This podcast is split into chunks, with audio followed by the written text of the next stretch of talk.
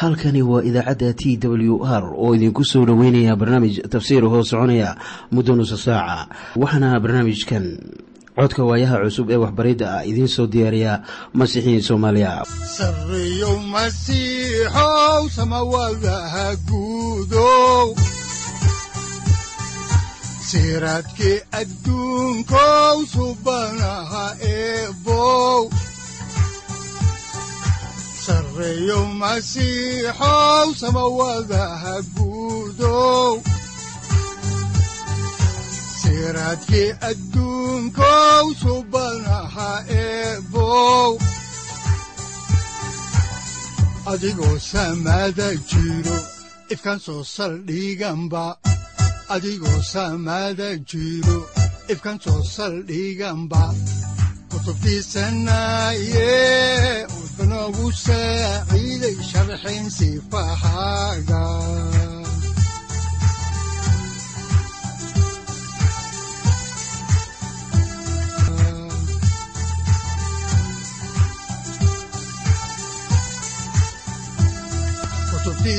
kutubtiisinayow ebanagu saaciid sharxin sifahaaga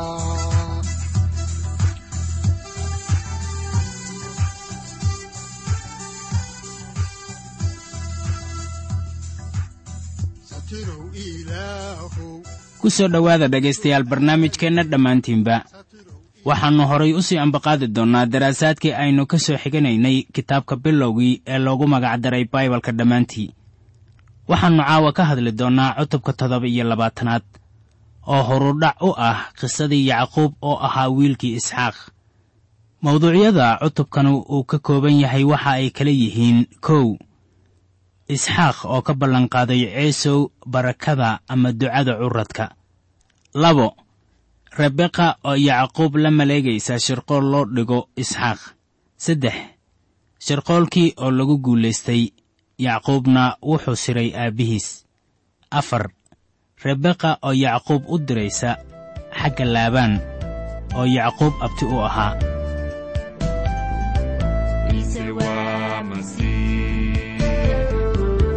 markhaati runa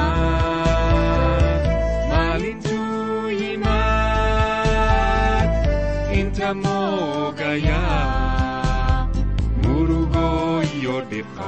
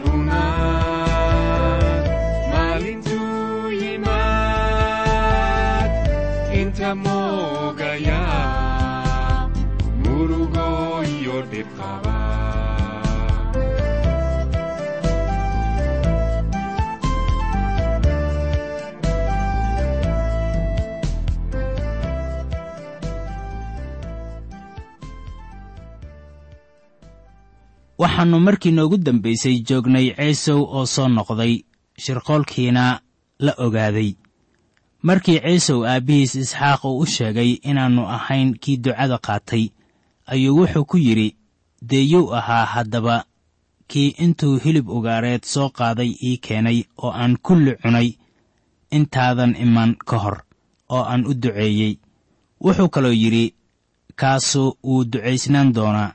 Haddaba ninna ma sheegi karin farqiga u dhaxeeya hilibka deerada iyo kan idaha. Qof walibana wuxuu lahaa hilibkan ugaareed wuu wanaagsanaa. Labada hilib isku sibay u dhadhamayeen dhan kastoo laga eego. Haatan isxaaq wuxuu arkaa sida loo inqilaabay ama loo shirqoolay. Haddaan halkii ka sii wadno xigashada ama faallada kitaabka ayaa waxaa ku qoran cutubka toddoba iyo labaatanaad aayadaha soddon iyo afar ilaa afartan sida tan ciisowna markuu maqlay hadalkii aabbihiis ayuu ku dhawaaqay dhawaaq aad iyo aad u weyn oo daran oo wuxuu aabbihiis ku yidhi aabbahayow anigana ii ducee isna wuxuu yidhi walaalkaabaa khiyaano iila yimid oo ducadaadii qaatay oo wuxuu yidhi miyaanay ku habbooneen in magiciisa loo bixiyo yacquub waayo labadan goor buu i khiyaaneeyey. Curudnimadeydii buu qaatay haatanna wuxuu qaatay ducadaydii oo wuxuu yidhi miyaadan duca ii reebin. Isxaaqna wuu jawaabay oo wuxuu ceesow ku yidhi bal eeg waxaan isaga ka dhigay sayidkaagii. Walaalihiis oo dhanna waxaan u siiyey isaga inay addoommo u noqdaan. Haruur iyo kamrina waan u ballanqaaday ee maxaan haddaba adiga kuu sameeyaa wiilkaygiiyow? Ciisowna wuxuu aabbihiis ku yidhi aabbahayow ducadaadu ma mid keliyabaa ii ducee anigana sidoo kale. Aabbow markaasuu ciisow aad u qayliyey oo uu ooyey. Markaasaa aabbihiis isxaaq u jawaabay oo ku yidhi bal eeg rugtaadu waxay ahaan doontaa meel ka baxsan dhulka barwaaqadiisa iyo sayaxa samada sare ka yimaada oo waxaad ku noolaan doontaa seeftaada. Walaalkaana waad u adeegi doontaa oo waxaa dhici doonta markaad xukunka qabsato inaad xarqoodkiisa surkaaga ka tuuri doonto. Iminkana waxaynu soo gaarnay maaddadan ah rebeqa oo yacquub u diraysa laabaan haddaan halkii ka sii wadno xigashada kitaabka ayaa waxaa ku qoran cutubka toddoba iyo labaatanaad aayadda kow iyo afartanaad sida tan. Ciisowna wuxuu yacquub u nabcaaday ducadii aabbihiis uu ugu duceeyey aawadeed ciisowna wuxuu isku yidhi maalmihii aabbahay loo barooran lahaa waa dhow yihiin. Dabadeedna waan dili doonaa walaalka yacquub. Ciisow wuxuu ku fikiray uu is yidhi aabbahay waa da' weynaaday wakhti dheerna siima noolaan doono. Isla markii uu aabbahay dhinto ayaan dili doonaa yacquub waanan ka takhallusi doonaa taasuna waa fikirka qalbigiisa. Wuxuuna sida muuqata kala hadlay dad kale haddaan sii ambaqaadno qorniinka ayaa waxaa ku qoran kitaabka bilowgii cutubka toddoba iyo labaatanaad aayadaha afartan iyo labo ilaa afartan iyo saddex sida tan. Rebeqana waxaa loo sheegay hadalkii wiilkeedii weynaa oo ahaa ceesow markaasay intay u cidirtay u yeedhay wiilkeedii yaraa oo ahaa yacquub oo waxay ku tidhi isagii bal eeg walaalkaa ciisow wuxuu isku qalbi qaboojiyaa talojirka uu ku tala jiro inuu ku dilo. Haddaba sidaas daraaddeed wiilkaygiiyow codkayga addeec kac oo u carar. Walaalkay laabaan xagga haaraan. Mar kale ayaan halkan ku arkaynaa rebeqa oo xaalka gacanteeda ku qaadanaysa. Waxayna u sheegtay yacquub waa inaad gurigan isaga tagtaa. Ha yeeshee waxba kama ogeen inay bixinayso qaybtii dembigeeda marka ay sidaan leedahay. Waayo rebeqa kol dambe ma aysan arag wiilkeedii yacquub. Yacquub waxay la noqotay inuu xariif yahay laakiin abtigiis laabaan ayaa ku gaamuray xariifnimada. Miskiinkii yacquub ahaa ayaa garan doona inuu yahay weli carruur wuxuuna ku soo caban doonaa ilaah iyadoo yacquub jahwareersan yahay. Intaanay duruusta u dhammaan haddaba aynu faalladii ka sii wadno halkeedii oo aan eegno cutubka toddoba iyo labaatanaad aayadaha afar iyo afartan ilaa shan iyo afartan oo leh oo dhowr maalmood isaga la joog ilaa walaalkaa ciilku ka ba'ayo iyo ilaa walaalka caradu ku qabo ka ba'ayso oo uu ka iloobayo wixii aad ku samaysay. Dabadeedna waan kuu soo cidiri doonaa oo halkaasaan kaa soo kaxayn doonaa maxaan labadiinnaba isku maalin idin waayayaa waxaad xusuusataa in ciisow uu guursaday naagihii karaahiyada ahaa oo aan ilaah aqoon. Durbadiiba taasu waxay gurigii isxaaq keentay murugo oo rebeqa ayaa weliba ka calool xumaatay. Haatanna waxay isxaaq u sheegaysaa haddii yacquub uu halkaa joogo inuu samaynayo sida abbaarta ah isla sidii ceesow sameeyey waxaanay tan u isticmaali kartaa cudurdaar habboon.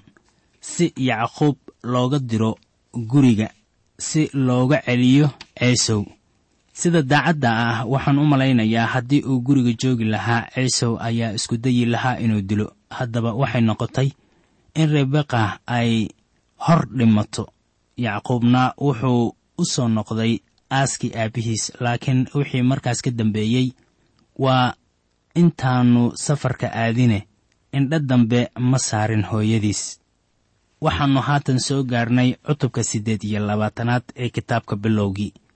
Mawduucyada uu ka kooban yahay cutubkanina waxay kala yihiin kow yacquub oo ka tegaya gurigii aabbihiis.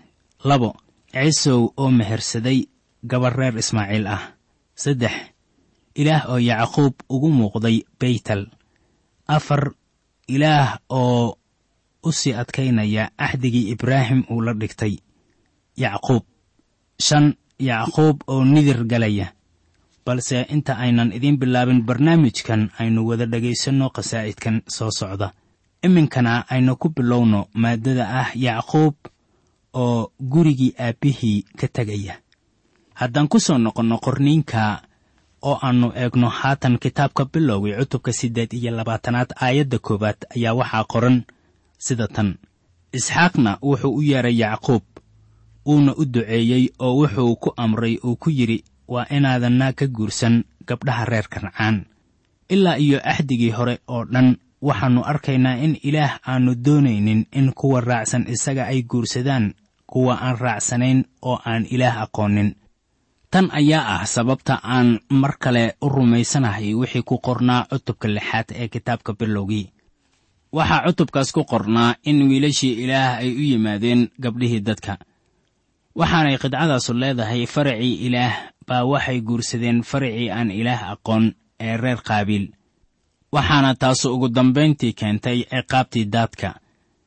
Iyadoo la reebay oo keliya hal nin oo ka mid ahaa kuwii ilaah yaqaanay haddaan eegno waxaa rasuul bawlos uu ka leeyahay xaaladda ayaa waxaa ku qoran warqaddiisii labaad ee korintos cutubka lixaad aayadda afar iyo tobanaad sida tan. Ha noqonina kuwa ku xidhan kuwa aan rumaysanaynin. Waayo sidee bay xaqnimada iyo dembigu isu weheliyaan ama sidee bay iftiinka iyo gudcurku isu dhex galaan? Axdiga cusub wuxuu si adag ugu sheegayaa masiixiyiinta inaan lagu xidhnaan kuwa diida inay ilaah rumaystaan. Waxaad isku xidhaysaan kuwa aan rumaysnayn markaad isguursataan. Waa sidaas sida aad isugu xidhnaanaysaan ilaahna taas wuu mamnuucay. Haddaba aynu dib ugu noqonno kitaabka bilowgii oo eegno cutubka siddeed iyo labaatanaad aayadaha labo ilaa afar waxaana qoran sida tan. Kac oo xagga fadam aaraam tag iyo xagga gurigii batuu'el oo ah hooyada aabbaheed oo halkaasna ka guurso. Gabdhaha laabaan oo ah hooyada walaalkeed oo ilaaha qaadirka ahu ha ku barakadeeyo oo ha ku badiyo oo ha ku tarmiyo inaad noqotid dad fara badan oo ha ku siiyo barakadii ibraahim adiga iyo farcankaaga kula joogaba. Inaad dhaxashid dalka aad qariibka ku tahay oo ilaah ibraahim siiyey waxaa xaqiiqo ah haatan in isxaaq uu gartay in ilaah barakada siiyey ibraahim oo uu ilaah isaga siiyey barakadii oo barakadan lagu barakadayn doono wiilkiisa yacquub.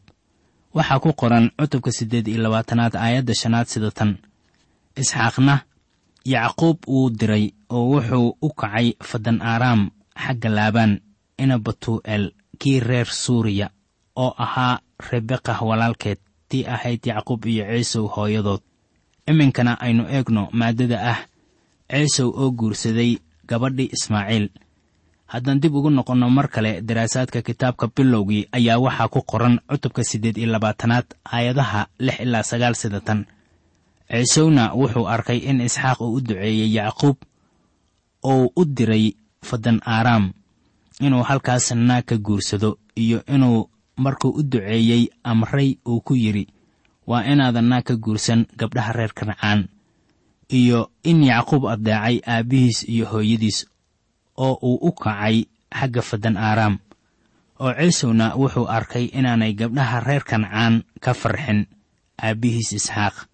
Markaasuu ciisow wuxuu u kacay xagga ismaaciil oo wuxuu naagihii u qabay ku daray mahalad gabadhii ismaaciil ina ibraahim taas oo ahayd nabayood walaashiis si ay naagtiisii u noqoto. Waxaad arkaysaa sida uu u la'aa garaad rabbaani ah. Reer ismaaciil waxaa loo diiday sida reer kancaan amase falastiiniyiinta loo diiday oo kale. Iminkana aynu eegno maaddada kale ee ah ilaah oo yacquub ugu muuqday beytel. Waxaan haatan eegaynaa waxaa ku qoran cutubka siddeed iyo labaatanaad aayadda tobanaad oo leh yacquubna waa ka tegay bi'ershabec oo wuxuu u kacay xagga haaraan. Wuxuu haatan u safrayaa dhanka waqooyi. Haddaan halkii ka sii wadno faallada kitaabka ayaa waxaa ku qoran cutubka siddeed iyo labaatanaad aayadda kow iyo tobanaad sida tan. Oo meel buu gaaray oo halkaasuu habeenkii oo dhan joogay maxaa wacay? Qorraxdu way dhacday. Markaasuu qaaday mid ka mid ah dhagxaantii meeshaas oo barkaday halkaasuuna jiifsaday si uu u seexdo. Halkii uu yimid sidaa aynu arki doonno daqiiqado kadib waa beytel oo micno ahaan laga wado gurigii ilaah. Beytel waxay laba iyo toban kilomitir ka xigtaa dhanka waqooyi magaalada jeruusaalem gurigii uu yacquub ka soo tegayna wuxuu jiraa ilaa iyo shan iyo labaatan kilomitir xagga koonfureed ee magaalada jeruusaalem waxay tanu ka micno tahay in maalintaas yacquub gooyey dhul gaaraya ilaa iyo afartan kilomitir. Waxaad haddaba ogaataa wixii dhacay. Dhulkuu seexday oo wuxuu barkaday dhagax meesha yiilay. Beytel waa dhul ban ah. Waxaa lagu micneeyaa inay tahay dhul bannaan oo leh dhagxaan soo jeeda oo bannaanka taalla. Waxay heerka badda ka sarraysaa ilaa iyo kun iyo laba boqol oo fiid oo waxay ku taallaa buuro. Waxaa jira meelo badan oo ka mid ah gobolka californiya oo leh dhul la mid ah dhulkaas balse haatan aynu ku nasanno khasaa'idkan soo socda. Dadkii aan isla soconnay ayaa waxay doonayeen inay aadaan meelo kale oo aan aniga iila mid ahayn beytel waxaan soo raacay ilaa iyo hal mayl waxaanan doonayey inaan lug ku tago beytel laakiin darawalkii ayaa igu yidhi wakhti ma hayno. Haddaba dusha un baan ka arkayey waxaanay dhul ahaan u muuqatay meel doorsoon oo aan soo jiidasho lahayn. Laakiin halkan ayaa yacquub u ahayd goob leh ahmiyad rabbaani ah. Ma ahayn oo keliya wakhtigaas laakiin wixii markaas ama xilligaas ka dambeeyey. Markaana halkan waa meeshii uu yimid halkan buuna seexday haddaan dib ugu noqonno qorniinka oo aan eegno kitaabka bilowgii cutubka siddeed iyo labaatanaad aayadda saddex iyo tobanaad ayaa waxaa qoran oo bal eeg rabbigaa isdul taagay oo yidhi waxaan ahay rabbiga ah ilaaha awowga ibraahim iyo ilaaha isxaaq. Dhulka aad ku jiifto waxaan siin doonaa adiga iyo farcankaaga. Waxay ahayd halkaas meeshii ilaah uu ugu horrayntii ugu muuqday awowgii ibraahim markii uu gaaray dhulkii falastiin. Haddaan sii wadno kitaabka waxaa ku qoran cutubka siddeed iyo labaatanaad aayadda afar iyo tobanaad sida tan soo socota. Farcankaaguna wuxuu noqon doonaa sida ciidda dhulka oo waxaad ku firdhi doontaa tan iyo galbeed iyo bari iyo tan iyo waqooyi iyo koonfur oo adiga iyo farcankaagay qabiilooyinka dhulka oo dhammu ku barakoobi doonaan. Haatan ilaah wuxuu yacquub siinayaa wixii uu horay u siiyey ibraahim wuxuuna taas ugu celiyey isxaaq.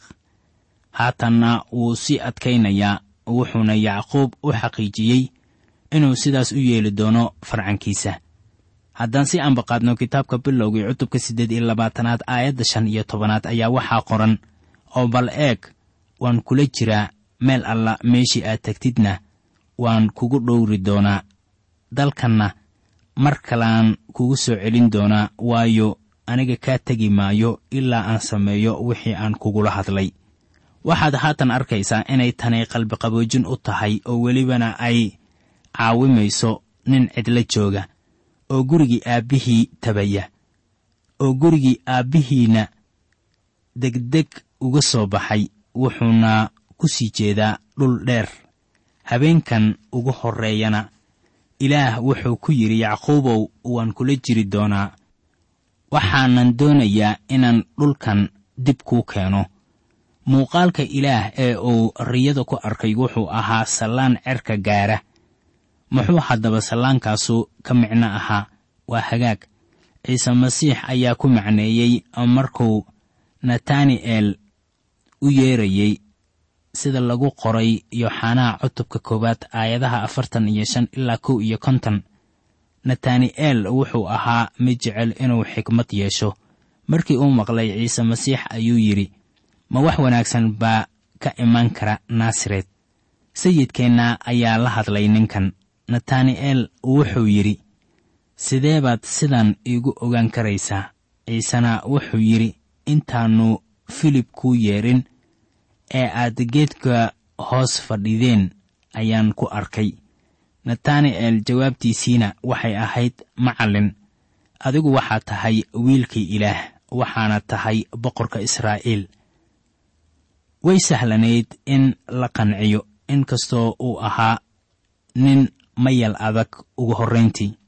Haddaba aan sharaxaaddii oo buuxda idin siiyo. Bal aynu eegno waxaa ku qoran injiilka sida yooxanaa u qoray cutubka koowaad aayadaha konton ilaa kow iyo konton waxaana qoran sida tan ciise ayaa u jawaabay oo ku yidhi ma waxaad u rumaysatay oraatinkii aan kugu idhi geedka bardaha hoostiisa ayaan kugu arkay. Waxaad arki doontaa wax waxyaalahaas ka waaweyn. Markaasuu ku yidhi runtii runtii waxaan idinku leeyahay.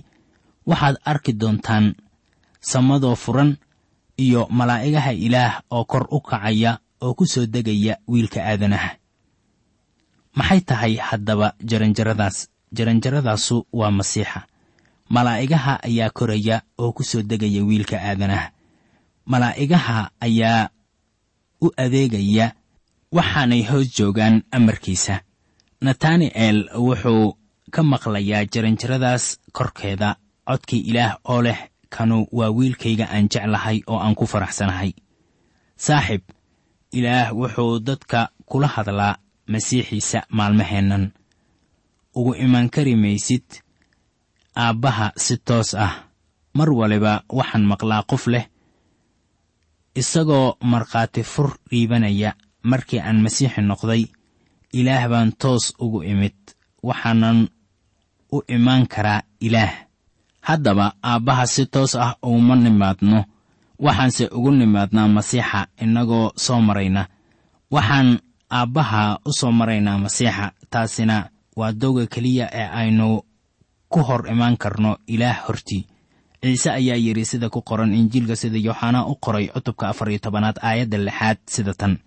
Anigu waxaan ahay jidka iyo runta iyo nolosha. Ninna aabbaha uma yimaado xaggaygu ku yimaado maahee sayid ciise qudhiisa ayaa ah jaranjarada. Ma ahan mid aan kori karno. Laakiin waa mid aan ku kalsoonaan karno. Runtan waxaa la siiyey ugu horraynta yacquub oo ah maquuniyaha. Wuxuu sayidkeennu ku yidhi natani'el waxaa tahay yuhuudi dhalad ah. Kaasu yacquub ma ahan. Natani'el wuxuu ahaa mid xikmad doon doona oo welibana dadka ka qosliya. Laakiin ma ahayn sida yacquub. Mid khiyaano sameeyey laakiin ninkan yacquub ah ilaah baa la macaamili doona. Ilaah wuxuu siiyey ballankan waxtarka leh laakiin yacquub waa inuu wax badan bartaa. Miyaanay run ahayn inuu ilaah wax barayay yacquub. Sidaynu garanayno maanta la yaab ma leh in ilaah ina callimiyo oo welibana la yaab ma leh in ilaah ina anshixiyo. Wuxuu karbaashaa wiil kasta ee uu leeyahay ee uu anshixiyaa wuxuu sidaas ku sameeyey ibraahim iyo isxaaq wuxuuna haatan ku samaynayaa yacquub ilaa iyo haatan wax waliba. Waxay yacquub ugu socdaan sidii uu jeclaa. Waxaan warqad ka helay nin iyo naagtiis oo dhowaan cunug ay dhaleen oo laba jir ahaa si lama filaan ah ugu dhintay goor habeen ah. Ilaa iyo habeenkaas wax waliba sidii loogu tala galay bay ugu socdeen waxay xubin ka ahaayeen kiniisad laakiin waxay ahaayeen laba wajiilayaal. Dad badan ayaa xubno ka ah kiniisadda welibana shakhsi ahaan u garan maayaan sayidka. Haddaba sayidku waa inuu na lula wuxuuna inaga yeelayaa inay mixnooyin ina qabsadaan si uu inoo canaanto. Canaantiisu way ina toosinaysaa waxayna dhiirogelin u yeelaysaa nolosheenna waxay kaloo ina awoodsiinaysaa inaan ilaah u taagnaanno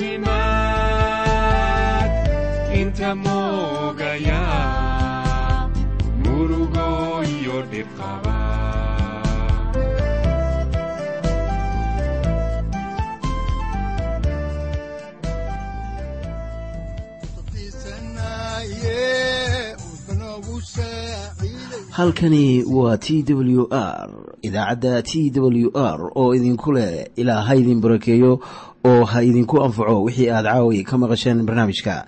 Waxaa barnaamijkan oo kalaa maqli doontaan habeen dambe hadahan oo kale haddiise aad doonaysaan in aad fikirkiina ka dhiibataan wixii aad caawi maqasheen ayaad nagala soo xiriiri kartaan som t w r at t w r c o k e dhegaystayaal haddii aad doonaysaan inaad mar kale dhegaysataan barnaamijka fadlan mar kale booqo www t t b o r g ama www t w r o r g halka sare waxaad ku arkaysaa markii aad gasho language ama luuqadda waxaana dooranaysaa soomaali.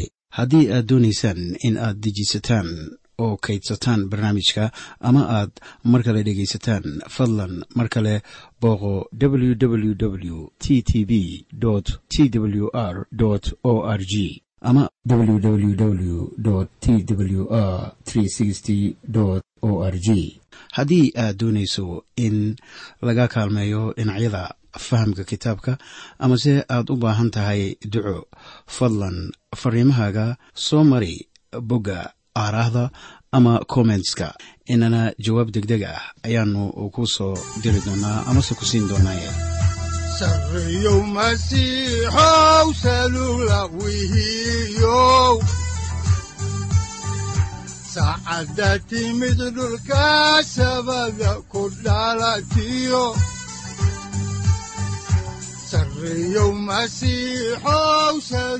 halkani waa t w r oo idiin rajaynaya habeen baraare iyo barwaaqaba leh inta aynu ka gaari doono wakhti aynu ku kulanno barnaamij la mida kan caawayay aad maqasheen waxa aan idinku leeyahay nabadda ciise masiix ha idinku badato xagga jidhka iyo ruuxaba aamiin